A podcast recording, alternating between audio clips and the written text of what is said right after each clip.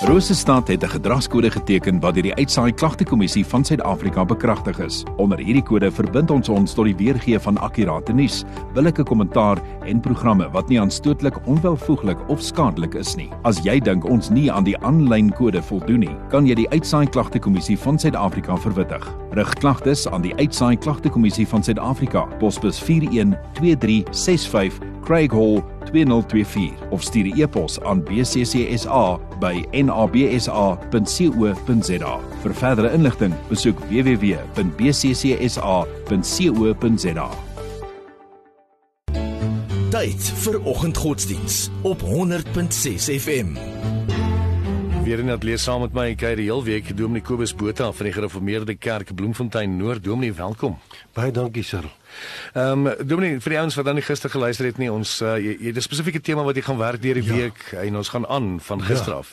Ons uh, ek kyk ons staan 'n bietjie stil by uh, die eerste sendbrief van die apostel Johannes.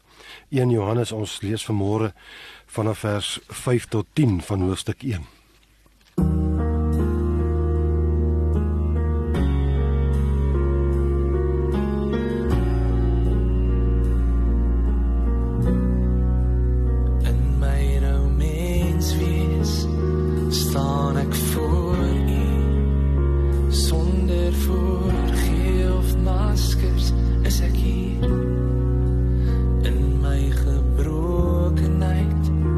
staan ek voor u. Met 'n hart wat verlang is ek hier.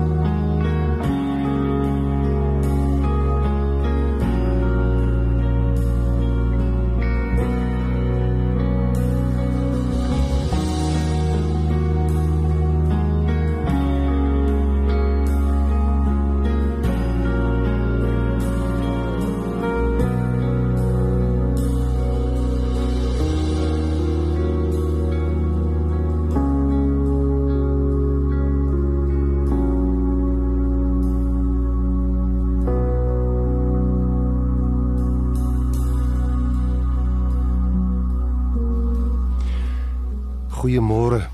Kom ons lees vanmôre 1 Johannes 1 vanaf vers 5 tot en met vers 10. Dit is nou die boodskap wat ons by hom gehoor het en aan julle verkondig. God is lig en daar is geen duisternis in hom nie. As ons beweer dat ons aan hom deel het in ons lewe in die duisternis, lieg ons en handel ons nie volgens die waarheid nie. Maar as ons in die lig lewe soos hy in die lig is, het ons met mekaar deel aan dieselfde gemeenskap en reinig die bloed van Jesus sy seun ons van elke sonde. As ons beweer dat ons nie sonde het nie, bedrieg ons onsself en is die waarheid nie in ons nie. Maar as ons ons sondes bely, hy is getrou en regverdig. Hy vergewe ons ons sondes en reinig ons van alle ongeregtigheid. As ons beweer dat ons nie gesondig het nie, maak ons hom tot leenaar en is sy woord nie in ons nie. Nou, ons het gister al stil gestaan waar Johannes dan sê hulle die Here Jesus self gehoor en hom gesien en hom geraak. En nou vanmôre bring Johannes sy boodskap teen die anti-kriste. Die gemeentes aan wie die apostel Johannes skryf is getuister deur moeilikheidmakers of anti-kriste soos hy hulle noem. En nou bring Johannes as 'n oog en oor getuie die versekering. Hy sê elkeen wat in Christus glo, het die ewige lewe. Dis die fonda die fondament onder jou voete. Maar voordat hy sê wat dit is, gee hy in die eerste sinnetjie van die vers 5 die drie merktekens van die egtheid waaraan sy lesers ook die kerk van alle eeue seker kan weet dat dit die egte boodskap is wat van God kom. Ons of ons kan sê die kerk Ons kan nie enige vroom en mooi klinkende boodskap glo nie. Dit moet die merktekens van egtheid dra. In vers 5 se eerste sinnetjie gee drie merktekens. Eerstens sê hy die boodskap kom van Christus self. Hy sê dit is die boodskap wat ons by hom gehoor het. Eerstens gehoor het, sê Johannes met ons eie ore en oë. Tweedens hierdie boodskap is deur die apostels gehoor. En derdens Die apostels het dit aan ons oorgedra. Die enigste boodskap wat ons glo, is die boodskap wat van God gekom het deur die apostels en die profete gehoor is en derdens aan ons oorgedra is. En daarom moet ons alles wat ons hoor, moet ons toets aan hierdie drie merktekens. Kom die boodskap van God? Het die apostels en die profete dit aan ons oorgedra? Met ander woorde, staan dit in die woord van God in die Bybel? En Hoe ontvang ons dit? En wat is die boodskap wat die apostels by God gehoor het en aan ons deurgegee het? Die res van vers 5 tot by vers 10 spel dit vir ons uit. Dit is net mooi die teendeel wat daardie dwaalleraars of anti-kriste soos Johannes hulle noem, die gemeentes geleer het. En nou moet ons oplet hoe dat Johannes elke keer wys op die waarheid en die leuen. Met die waarheid bemoedig hy ons en men, in die dwaling ontmasker hy. En nou begin hy dan sê hy die waarheid is God is lig en daar is geen duisternis in hom nie. Met ander woorde, God is heilig, die mens is sondig en die mense daarom verlossing en 'n verlosser nodig. En die feit dat God die Vader lig is, heilig is, dit geld ook net so van Jesus Christus. Die duisternis in ons persoonlike lewe asook in die wêreld kan op geen ander manier oorwin word as deur Jesus Christus nie. En dan sê Johannes die drie valse aansprake wat die mense beweer, die die dwaalleer, hy sê as ons beweer en dan kom hy met die teendeel. Die eerste valse aanspraak sê as ons beweer dat ons aan hom deel het en ons lewe in die duisternis. Nee, hy sê hulle bely een ding maar hulle leef iets anders. Dit is goedkoop genade. Hulle wil vir die mense sê Solank jy net onder die genade is, maak jou sondelewe nie meer saak nie. God omarm jou in elk geval met deernis en begrip. En dis nie waar nie. Die punt is sê hy God is lig en daar is geen duisternis in hom nie. Hoe kan jy by hom ingesluit wees en dan rustig wees oor die duisternis in jou lewe? Dis gewoon onmoontlik. Die eerste valse aanspraak is dus 'n mens Hulle sê 'n mens kan in gemeenskap met God leef en te gelyk kan jy maar die sonde in jou lewe duld. En dan vergeet 'n mens van iets so sonde besef en dan vergeet jy van jou worsteling en dat jy die sondes moet oorwin in jou lewe en daarvan daarvan moet wegvlug. Die apostel Johannes sê as jy so praat, dan lieg jy en leef jy glad nie in die waarheid nie. Hy sê dit reguit en op die man af. Die mens wat in verbondenheid leef met hom wat lig is en wat dus in die lig lewe, hy kan nie vrede hê met die sonde in sy lewe nie. Die belydenis van die waarheid moet saamgaan met 'n lewenswandel wat daarvan getuig. En dan moet ons goed onthou lewe in die lig. Dit beteken nie dat ons skielik sondelose perfekte mense moet wees nie. Nee. Dit beteken alleen om erns te maak met dit wat in my lewe verkeerd is om daarvan weg te vlug. Vers 7 sê hy lewe in die lig. En dit sal uitmond in twee dinge. As jy in die lig lewe, dan sal jy ander gelowiges opsoek en met hulle saamleef. En jy hy sê ons het deel met mekaar aan dieselfde gemeenskap. En wie in die lig lewe, die tweede saak wat hy sê, ontdek dat die bloed van Jesus 'n altyd teenwoordige krag is wat ons voortdurend reinig. Dis nie net sonde in die algemeen nie, maar elke sonde, bedoelende op die naam en individueel, word gereinig. Ek word gereinig van elke sonde wat my lewe donker maak. En daardie voortdurende fontein van reiniging bestaan vir mense wat al reeds in die lig wandel. En dan praat Johannes van die tweede valse aanspraak. Hierdie dwaalleraars beweer dat gelowiges nie meer sonde het nie. Hy sê daar is dus beslis nie iets waaroor jy wakker te lê en te vroeg nie, sê hulle. Maar Johannes sê dit is die anti-kris wat so praat. Sulke mense sê hy bedrieg hulle self. Die waarheid is glad nie in hulle nie. En wat is die waarheid dan? Vers 9 sê vir ons: Iemand wat in die lig lewe, sê nie dat hy of sy sonder sonde is nie, maar hy of sy bely die sonde in hulle lewe en hulle ontvang reiniging en vergifnis op 'n deurlopende basis. Die ons waarna hy verwys is mense wat reeds in Christus is. Dit is hy self, die apostel Johannes, en die mense aan wie hy geskryf het. En dit is weer eens alles in die teenwoordige tydsvorm. Mense wat reeds in Christus is, hulle bely hulle sondes voor die Here. Dit beteken om saam te stem met God se oordeel daaroor. Om te erken ek staan voor die Here skuldig.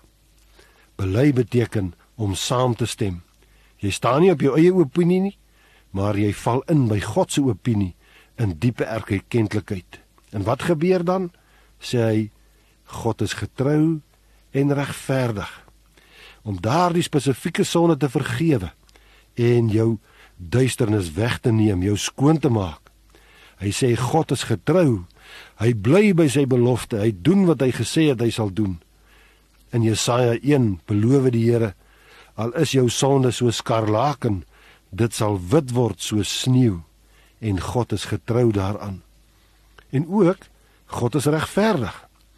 God vergewe nie sonde net omdat hy so liefdevol en goed is nie, maar hy vergewe sonde omdat daardie sonde in Christus se kruisdood gestraf is.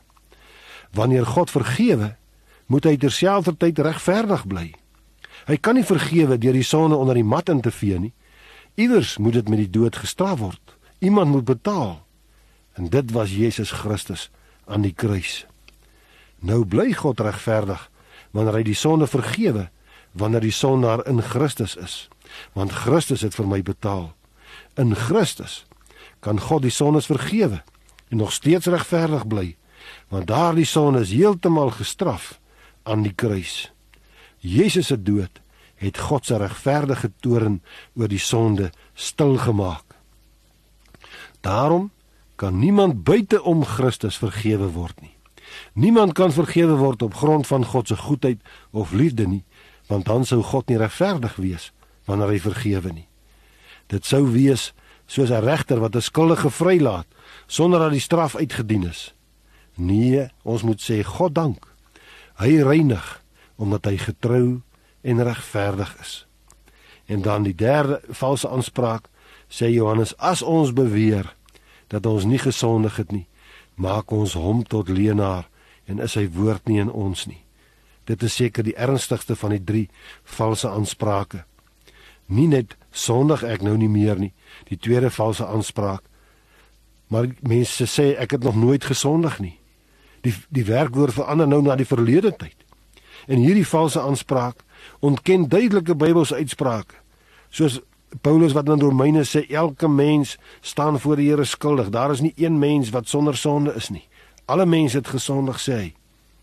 Dit klink vreemd dat iemand kan beweer dat hy of sy nooit teen God gesondig het nie. Maar wat is die apostel se antwoord hierop? Hy sê so iemand maak vir God tot leenaar en God se woord is nie in so 'n persoon nie. En op al hierdie valse aansprake en dwaalleer ken die skrif net een antwoord. Die mens wat in die lig lewe sal gekenmerk word deur 'n gebrokenheid en 'n ootmoed voor God oor sy eie sonde. En te gelyk sal hy ook vreugde hê want hy weet hy's vrygespreek. Soos Jesaja wat gesê het: "Wee my, want ek is 'n man van onrein lippe en my oë het die koning gesien, die Here die Almagtige." En dan lees ons daar: "Toe die engel sy lippe met 'n koeltjie van die altaar aangeraak en gesê: Jou skuld is weg en jou sonde is versoen. Die mens wat in die lig lewe, sal geestelik groei. In steede van 'n kompromie met die sonde leef, sal sal ek toeneem in heiligmaking en godsvrug. Die Bybel en gebed word meer en meer kosbaar in my lewe en dit word deel van my lewe as 'n Christen waar ek met vreugde en blydskap lewe. En 'n mens wat in die lig lewe, sal al hoe meer sy medegelowiges opsoek, want so sal sy blydskap volkome wees. Amen. Kom ons dank saam. Ons Vader in die hemel, ons dank U dat U ons hierdie heerlike versekering gee dat U elke sonde in ons lewe vergewe en ons reinig van alle kwaad. Ons dank U dat ons die vreugde mag hê dat ons aan U behoort. Geer dat ons elke dag met oorgawe met blydskap en vreugde sal leef sodat ons die wêreld met hierdie vreugde en met U liefde kan oorwin want ons Here Jesus het klaar oorwin. Hoor ons gebed in sy naam alleen. Amen.